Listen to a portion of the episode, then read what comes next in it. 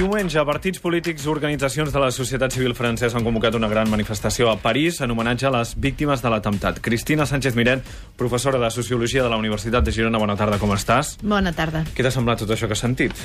Home, doncs, eh, si aquí estem, diríem, jo no diria no sé ni si esma perduts o no tenim ànim, no sabem ni què fer, allà ja no és que estiguin en estat de xoc, com ha dit el president francès, és que estan morts de por. O sigui, el que estan és aterrits.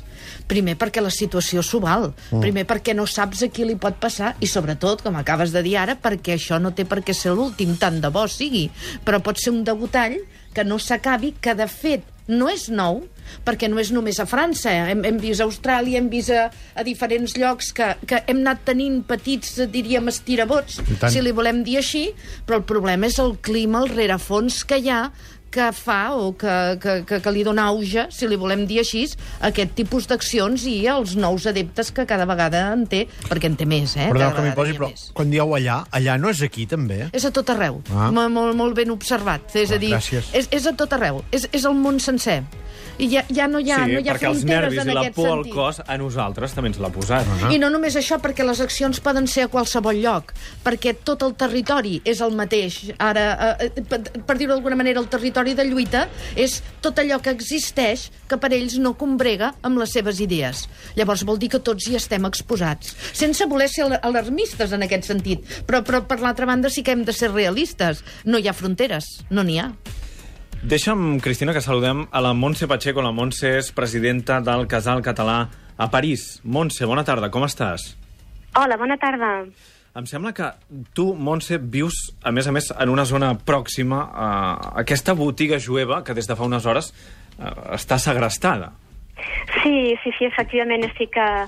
Bueno, no ve a prop, però pot ser a un quilòmetre i mig, dos quilòmetres de la zona, efectivament. Mm. I sabeu alguna cosa d'aquest segrest?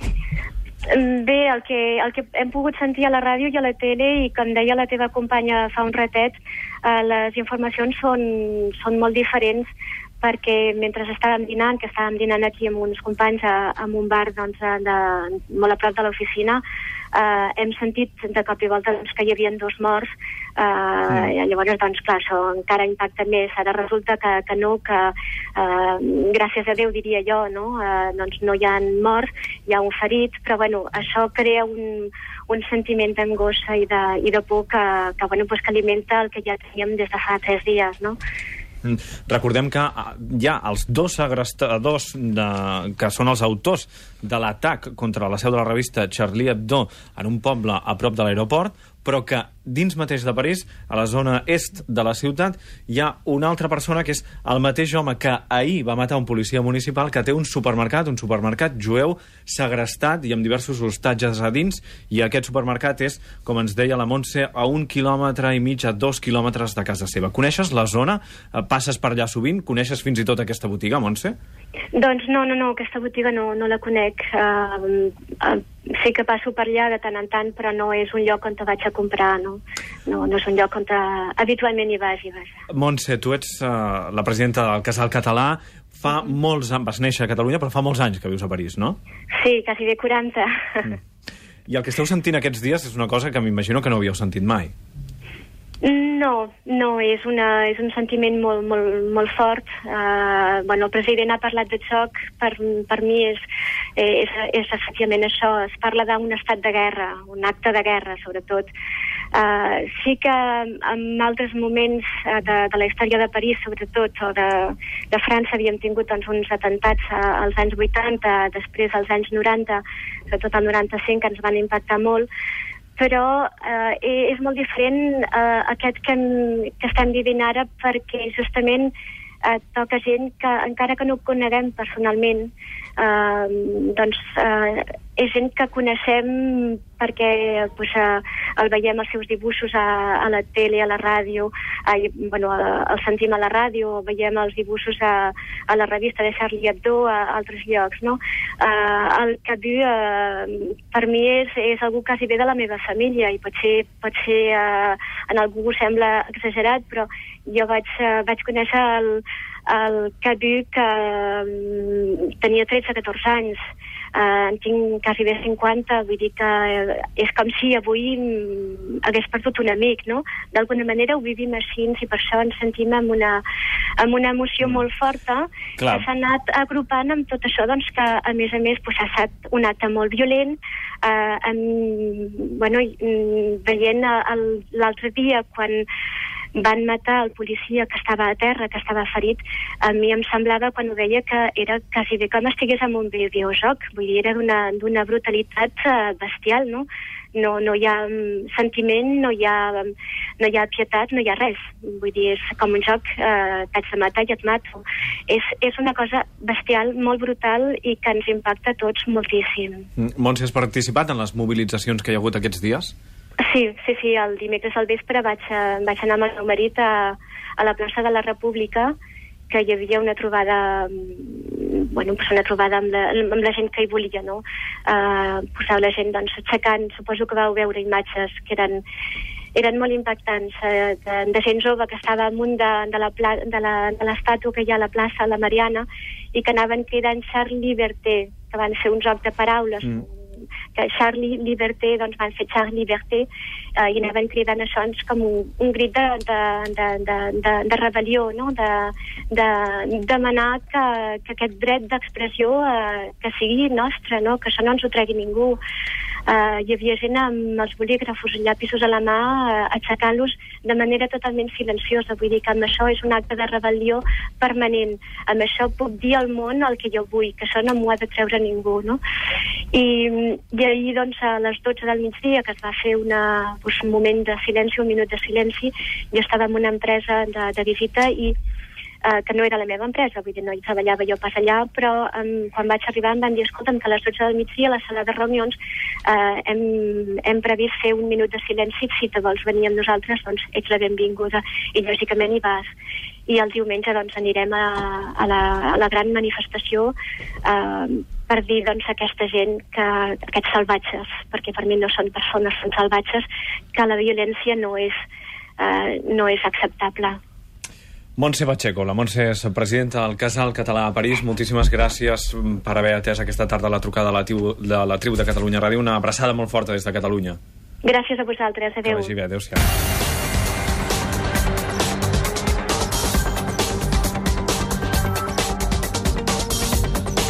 Segurament aquesta és una sensació, la sensació eh, que, col·lectiva que viu la societat francesa molt semblant a la que va viure la societat espanyola després dels atemptats del 2004, o la que va viure la societat eh, britànica després dels atemptats de Londres, atemptats aquells que van ser tots dos, un al metro i l'altre al tren en transports públics, i, i molt més brutals pel que fa a la xifra de víctimes, però pel que fa a l'impacte de la població segurament molt semblants, no, Cristina? Sí, perquè, de fet, el, tot aquest tipus de morts que, que no, no tenen cap sentit, no, no, no en tenen cap ni un, més que la pura execució de les persones.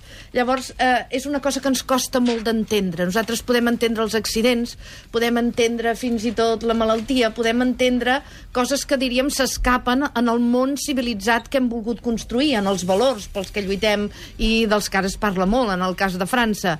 Eh, llavors, com que tot això queda al marge, com que el que es produeix aquí, a més a més, en aquest darrer cas, eh, és un acarnissament, encara que amb menys persones d'execució directa. És aquesta manca d'empatia a la que feia referència eh, la, la, la, la Carme Pacheco, em sembla que es deia, La no? Montse, La Montse, quan perdó. parlava que era com un Eh, eh, videojoc, eh, no? Que era com un videojoc. Això en algun dia ens haurem de plantejar com, com deixem que els videojocs siguin així.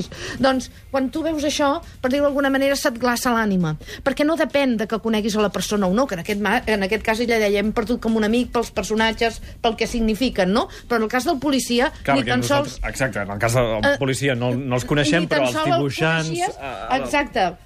Per, per ells, per la societat francesa, són molt Són- referents. Exacte, igual que nosaltres ens podria passar aquí doncs, amb els altres personatges o, amb- o amb altre tipus de figures que formen part de l'imaginari col·lectiu, de, del, del, del que nosaltres compartim com a societat. Però independentment d'això, quan tu veus el policia que no el coneixes, que, que fins i tot pots tenir més o menys simpatia per la policia o no, per, per, pel que darrerament en parlem i com en parlem d'ells, però quan veus una altra persona, diríem, directament executant-lo, és a dir, acabant amb la seva vida amb aquesta sang freda, és una cosa que realment ens supera i, i, i, i- molt més que això. Perquè de fet tenim la sensació que durant molt de temps, i quan dic durant molt de temps, tants anys com tenim civilització, tants anys com estem construint les nostres societats, siguin aquestes quines siguin, hem estat lluitant perquè això deixi de passar perquè això erradicar-ho de les nostres vides. Mm. Per això, suposo que no sé si instintivament o senzillament perquè la consigna va córrer, la gent aixecava un llapis. No només és pel fet que ells el que feien era eh, eh, parlar amb, amb la paraula, satiritzar, d'acord, eh? ironitzar, si vols, més enllà, satiritzar, segurament, eh? ser molt mordassos amb la paraula, sinó perquè estem, hem construït un món en el que hem deixat la violència aparcada, o hem volgut deixar-la aparcada, per poder debatre, per poder expressar-nos, per mm. poder explicar. I els llapisos no fan mal, no fan mal. No, només fan aquell que vulguin que li faci si és que no entén que, hi ha, que hi pot haver-hi diversitat.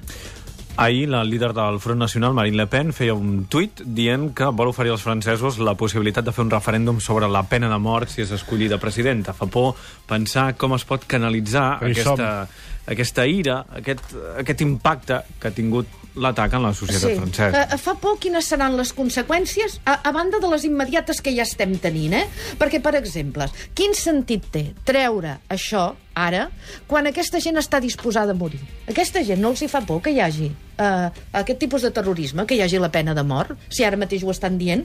El problema és quan se n'enduran per endavant. No si ells es quedaran o no. Mm. Si més no pel que diuen, sinó, si més no pel que anuncien. Ara bé, sempre hi ha aquell polític de tor amb poc cervell i més mala intenció, diria jo, que aprofita determinades situacions tan greus com aquestes per tornar a portar més mort. Què, què, què significa la pena de mort? Si posen a l'alçada. És, és posar-t'hi a l'alçada, això, És institucionalitzar allò mateix que diem que no, que, que, que no volem, que no volem que passi al carrer. Sí que, que hi ha gent que se sent molt tentada a dir és que el que hem fet, evidentment, no té perdó, no, no sé si és la paraula, no té perdó, evidentment, eh, eh, és d'una de tal responsabilitat que no hi ha càstig possible amb el que ho puguin pagar, però si ens ho posem a mirar fredament, eh, matar-los no serveix de res no serveix absolutament de res.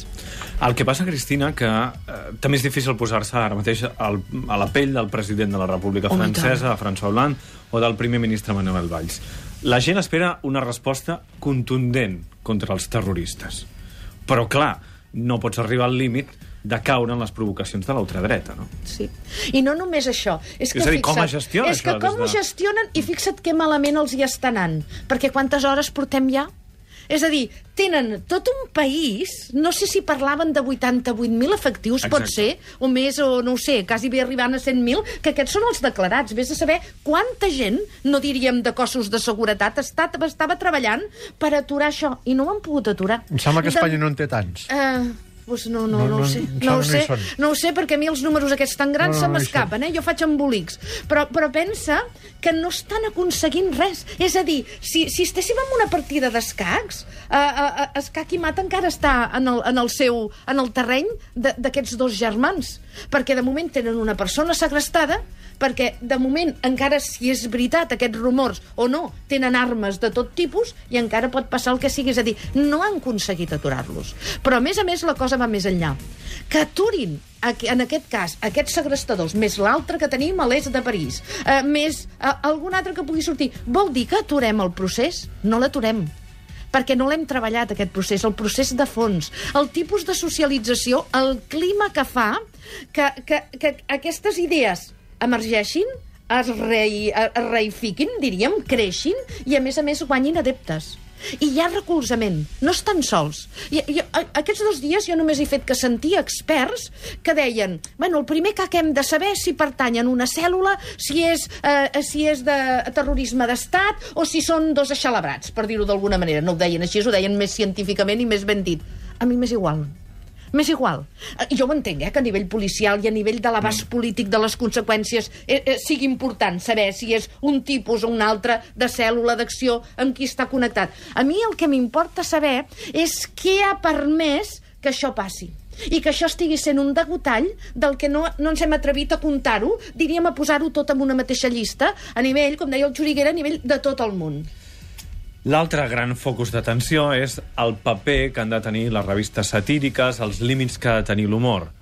Uh, se n'ha parlat abastament, l'opinió majoritària és el límit ha de ser la llei i, per tant, a la llibertat d'expressió no se li ha de posar portes. Però quan la llibertat d'expressió eh, provoca un sentiment de contrarietat en moltes persones que no són violentes, però que simplement són musulmanes i no volen eh, que es facin vinyetes de Mahoma, aleshores s'ha d'exercir aquesta llibertat igualment, sabent que eh, posaràs el dit a la ferida? Sí. I això és el més dur d'acceptar. Això és el que ens fa més por d'admetre i això és la barrera que no podem deixar caure. Per què? perquè totes les idees en principi són respectables. Però el primer que hem de respectar per poder conviure és la diferència, que algú no pensi igual que tu. Per això hi posem de límit la llei, que la llei acaba sent un pacte. I la llei pot estar més ben feta o més mal feta, però tenim mecanismes en societats democràtiques per refer-la, per anar-la a adaptar a què són els temps però no ens pot ofendre. No ens pot ofendre. Home, clar que ens podem pot sentir ofendre. ofesos. Aquí clar pot ofendre la moreneta fent-la de caganer. Sí, per i exemple. hi ha tota una gent catòlica que s'ofèn. Per Només exemple. faltaria que. Eh, Per exemple. Clar que sí. Però jo volia dir, aquest tipus d'ofensa no et pot portar a intentar imposar l'altre ah. què és el que tu penses o com veus tu les coses. A banda, que ha anat molt bé, i això la història de la humanitat ho explica molt clarament, que nosaltres desacralitzem moltes de les idees que circulaven en la nostra societat. Perquè és una cosa que ens fa més lliures. Perquè cadascú és lliure de creure en allò que vulgui. Però la creença no pot estar per, en, per sobre ni molt menys de la llei, però per, sobretot per sobre de res. Perquè què és el que tenim? És a dir, si, si la raó estés de la seva banda, no necessitarien el Kalashnikov. No el necessitarien, de cap de les maneres. Cristina Sánchez Miret, professora de Sociologia de la Universitat de Girona, moltíssimes gràcies i bona tarda. Que vagi bé. Bona tarda.